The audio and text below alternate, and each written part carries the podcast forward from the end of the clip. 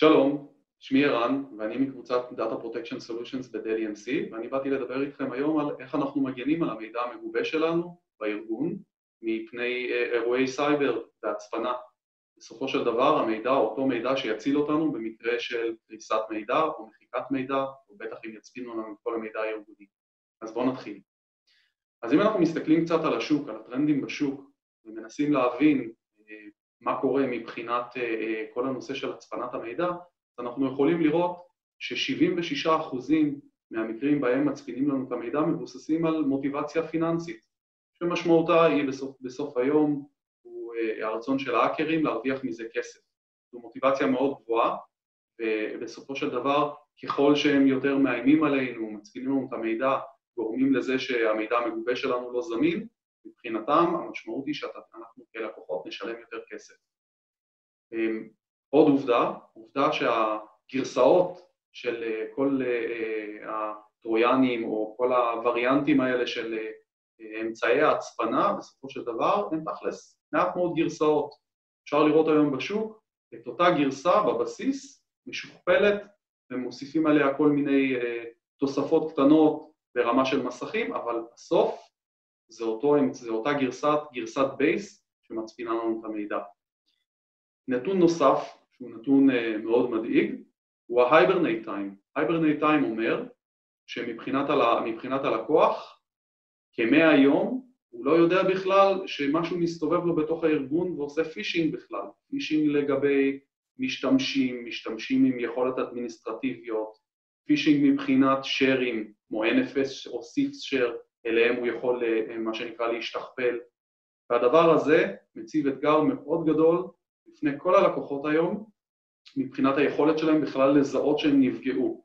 וזה אומר שהיום לחצת על מייל מסוים, יכול להיות שהוא התקין משהו אצלך מקומית, אבל אתה לא תדע. ועד שאתה תדע, זה כבר יפיץ את עצמו בצורה מאוד משמעותית.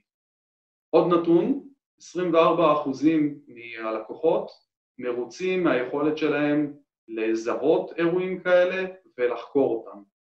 לכאורה נשמע שיש 24% שיכולים לעשות את זה.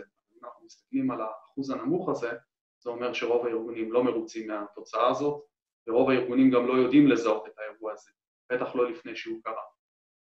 אם אנחנו מסתכלים קצת על הנושא של המחיר שמשלמים על, על פריצה כזאת והצפנת מידע, אז לכאורה אנחנו מסתכלים על כמה גובים מאיתנו בביטקוינס, במקרים מסוימים יש 30 אלף דולר, 50 אלף דולר, אמנם לארגונים קטנים יש משמעות מאוד גדולה, אבל לארגונים גדולים 50 אלף דולר, אם שחררת את, אותו, את אותה הצפנה, אז, אז סופגים את הדבר הזה, יכול להיות שהביטוח יספוג אותו.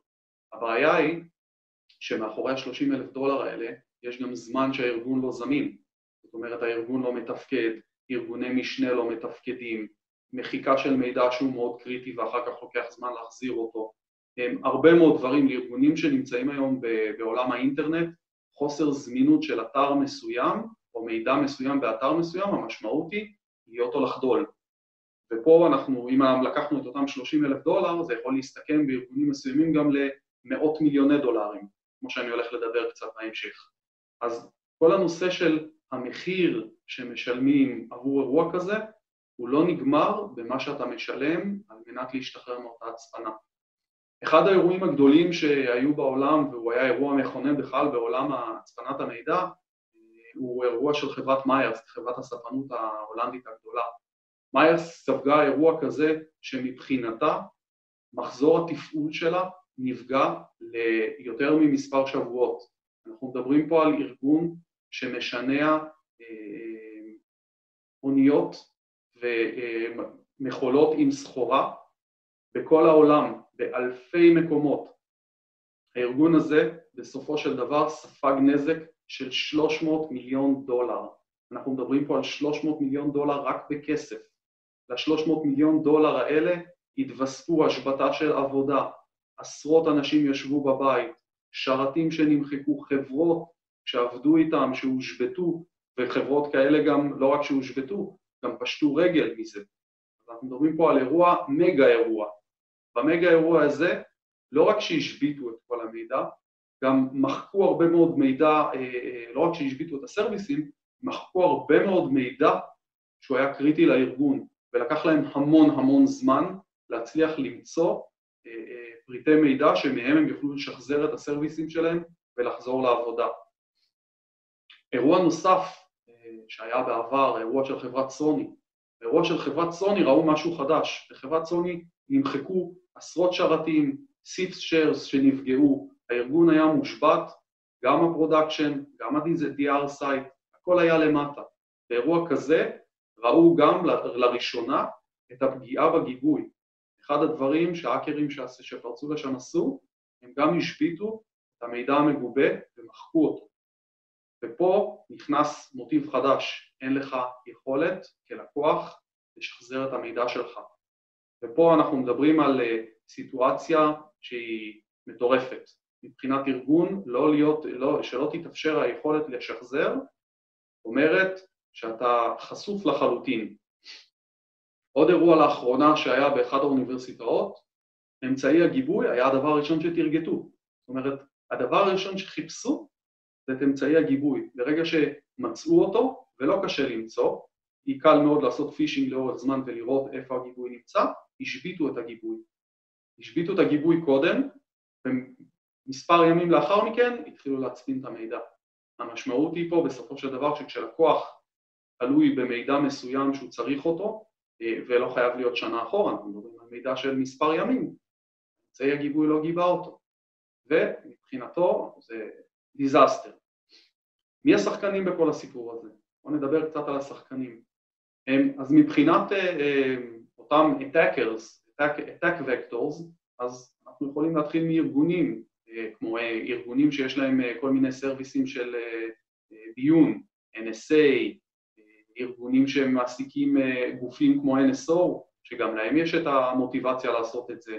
אנחנו רואים אנשים פרטיים, private individuals, שמבחינתם ללכת ולעשות את זה, זה, זה יכול לבוא מאמוציות וזה יכול לבוא מרצון.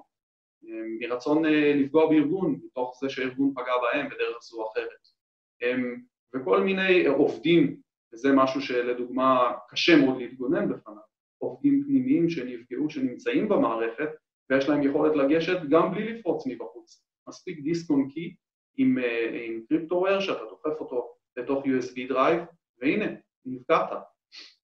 אז אנחנו מדברים על הרבה מאוד וקטורים שיכולים לפגוע בנו, וחלקם קשה מאוד לנטר. מבחינת גופים שנפגעים, אז זה יכול להתחיל מ-consumers, מ-retail, מ-manufacturer כמונו, כמו דלי MC, שמבחינתנו השבתה של קווי ייצור זה קטסטרופה. זה יכול להיות קרייר כמו פדקס וכל מיני גופים כאלה, וכמובן שזה יכול להיות גם כמו חנויות. איך הדברים האלה באים?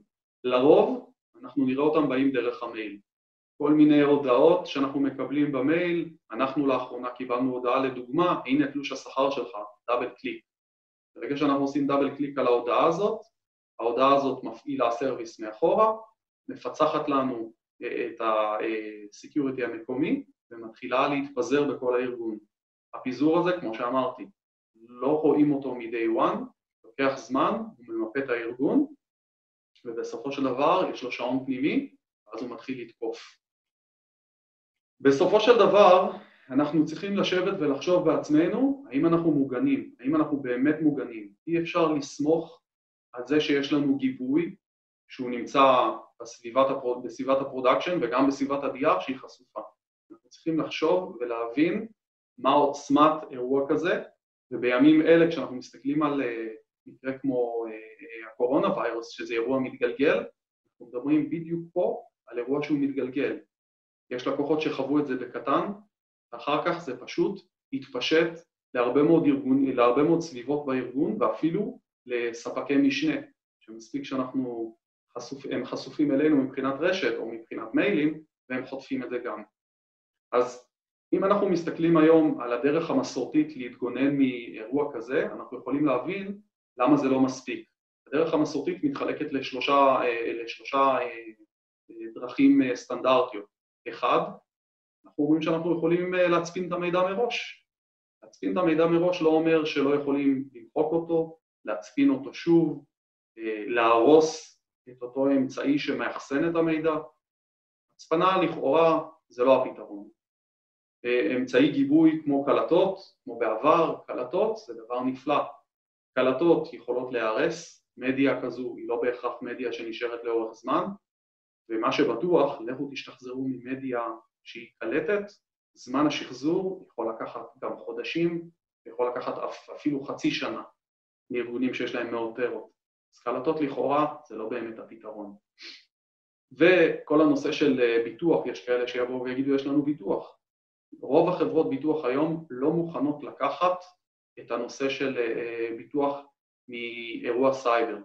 מבחינתם, היום ביטוח לאירוע סייבר הוא יכול להתחיל בכסף מאוד קטן ולהיגמר במשמעויות כלכליות מאוד גדולות, שהם לא יודעים בסופו של דבר אם אנחנו לקחנו את כל ה... נקרא לזה, את כל הדרכים למנוע מאירוע כזה לקרות. אם אנחנו מסתכלים קצת על, ואנחנו מדברים פה על עולם הגיבוי, אנחנו מסתכלים קצת על עולם הגיבוי, אז עולם הגיבוי בנוי בארכיטקטורה מסוימת, ופה אנחנו באים להתמקד למה הארכיטקטורה הזאת יכולה להיפגע. הארכיטקטורה מתחילה מ master server, אותו שרת שמחזיק את הקטלוג, מחזיק מבחינתכם את כל המידע הארגוני, יותר נכון לא את כל המידע הארגוני, אלא מחזיק את אותו ממשק שדרכו אנחנו מנהלים את הגיבויים, כל הג'ובים, ה policies, אז המשמעות של master server כזה זה אחד, הוא יכול להיפגע ולהיות מוצפן, לכאורה, אבל יכולה להיות דרך גם יותר פשוטה, יכולים לפרוץ אליו, אנחנו רואים היום שהרבה מאוד האקרים מחפשים את אותו שרת גיבויים, ואפשר בקלות לפרוץ אליו, וברגע שאתה פורץ לשנות את ה retention שלך לאפס, ברגע ששינינו את ה retention לאפס, מבחינת אה, הג'ובים של הגיבוי הם מתאפסים, המידע נמחק. זאת הדרך הכי קלה והכי פחות, אה, אה, הכי פחות נתפסת והכי פחות חושבים עליה. הם קליינטים, קליינטים הם אמצעי להדבקה, הם אה, עם פורטים הרבה פתוחים להרבה מאוד דיווייסים אה, אחרים, כמו ה media servers בגיבויים, והמידע הזה, אותו, נקרא לזה, אותו וריאנט יכול ללכת גם ל media servers. media servers זה אותם שרתים שמתחזקים את כל ה flow של המידע לאמצעי גיבוי סופי, בין אם זה טייפ, או בין אם זה דיסק, או בין אם זה דיסקים על סטורג'ים חכמים. אותם media servers, ברגע שהם נפגעים, ובהרבה מאוד תוכנות עובדים שם עם CIFS shares או NFS shares, הדבר הזה ישר הולך לאמצעי הגיבוי הסופי. במידה וזה storage או במידה וזה סרבר עם דיסקים, זה משתכפל לשם, ולא רק שמשתכפל לשם, גם אם זה מוצפן, זה מוצפן ישירות לשם. יש לזה משמעות מאוד מאוד גדולה מבחינת לקוח. אני יכול לומר לכם שלקוחות שעובדים עם תוכנות גיבוי שהולכות לסיפסשר, הם לקוחות פתוחים ופרוצים, ואנחנו ראינו מאות מקרים של לקוחות שנפגעו וכל המידע נמחק. מה אנחנו באים להציע? מה דלי MC באה להציע? אם סיימנו קצת עם, ה, עם ה, מה קורה בשוק. אנחנו באים להציע לכם פתרון שנקרא סייבר ריקאברי, שאומר שאנחנו מייצרים סביבה נפרדת, מנותקת מהסביבה הקיימת, שיודעת להתחבר אחת לכמה זמן לפי scheduler שבנוי באותה סביבה, היא מנותקת ניתוק פיזי. אנחנו מדברים על זה שיש בה, יש air בין ה vault לבין ה production או לבין ה-DR, תלוי לאן אנחנו מתחברים. הסביבה הזאת מנוהלת, כל האוטומציה היא מתוך הסביבה הזו, היא מתחברת לפי scheduler, היא שואבת מידע מאמצעי גיבוי שנמצא ב production או ב-DR, כמובן שבתוכנת הגיבוי שלכם בשום מקום לא מוזכרת הסביבה שיושבת בוולט. זאת אומרת שאם האקר פורץ היום לשרת הגיבויים שלכם, אין לו סיכוי לדעת שיש כזה עותק שנמצא בוולט. בנוסף לזה, אי אפשר לגשת אליה, בגלל שהיא רוב היום מנותקת, וכשיש חיבור, אותה רפליקציה שמתבצעת לסביבה היא מאובטחת והיא חד-כיוונית. אז כמו שאמרתי, הסביבה הזאת מתחברת אחת לזמן שאנחנו מגדירים, שואבת מידע, המידע שגובה בפורמט המגובה מ compress and deduplication, לוקחת אותו, once היא ריפליקה את המידע, מנתקת את הקשר, מייצרת copies שהיא נועלת אותם ב-retention lock, שזה המנוע שלנו לנעול את המידע ולוודא שאף אחד לא יכול לכתוב או למחוק עליו, או למחוק אותו, סליחה, ומתחזקת retention כזה בצד של הוולט, כאשר יש לנו מערכת חכמה שיודעת לעשות אנליטיקה על אותו מידע שנכתב בתוך, ה, בתוך הוולט. מה זו אנליטיקה? אנליטיקה יכולה לבוא בכמה מקומות ואנחנו עושים מה שנקרא את כל הדרך. אנחנו יודעים לקרוא את ההדרים של הקבצים, זאת אומרת להתייחס לקובץ כקובץ מהצד החיצוני שלו, אנחנו יודעים להתייחס ל metadata של הקובץ, שיש פה משמעות מאוד גדולה להתייחס ל metadata של הקובץ, ואנחנו יודעים לקרוא גם את התוכן שלו, וכל זאת אנחנו עושים מבלי לעשות restore, זאת אומרת מבלי לקחת את המידע ולשחזר אותו למקום מסוים ולהתחיל לקרוא אותו. יש פה חוכמה מאוד גדולה, כי אם תיקחו אה, בוולט ותנהלו לדוגמה 20 עותקים ומחר בבוקר תרצו ללכת לעותק ולידי, אנחנו נדע לאורך זמן להודיע לכם אה, איזה עותק הוא ולידי, אנחנו נדע לזהות אם עותק הוצפן, אנחנו נדע לזהות אם בין עותק אחד לעותק שני היה שכפול של קובץ אחד ל-100 אלף קבצים, יש פה משמעות מאוד מאוד גדולה.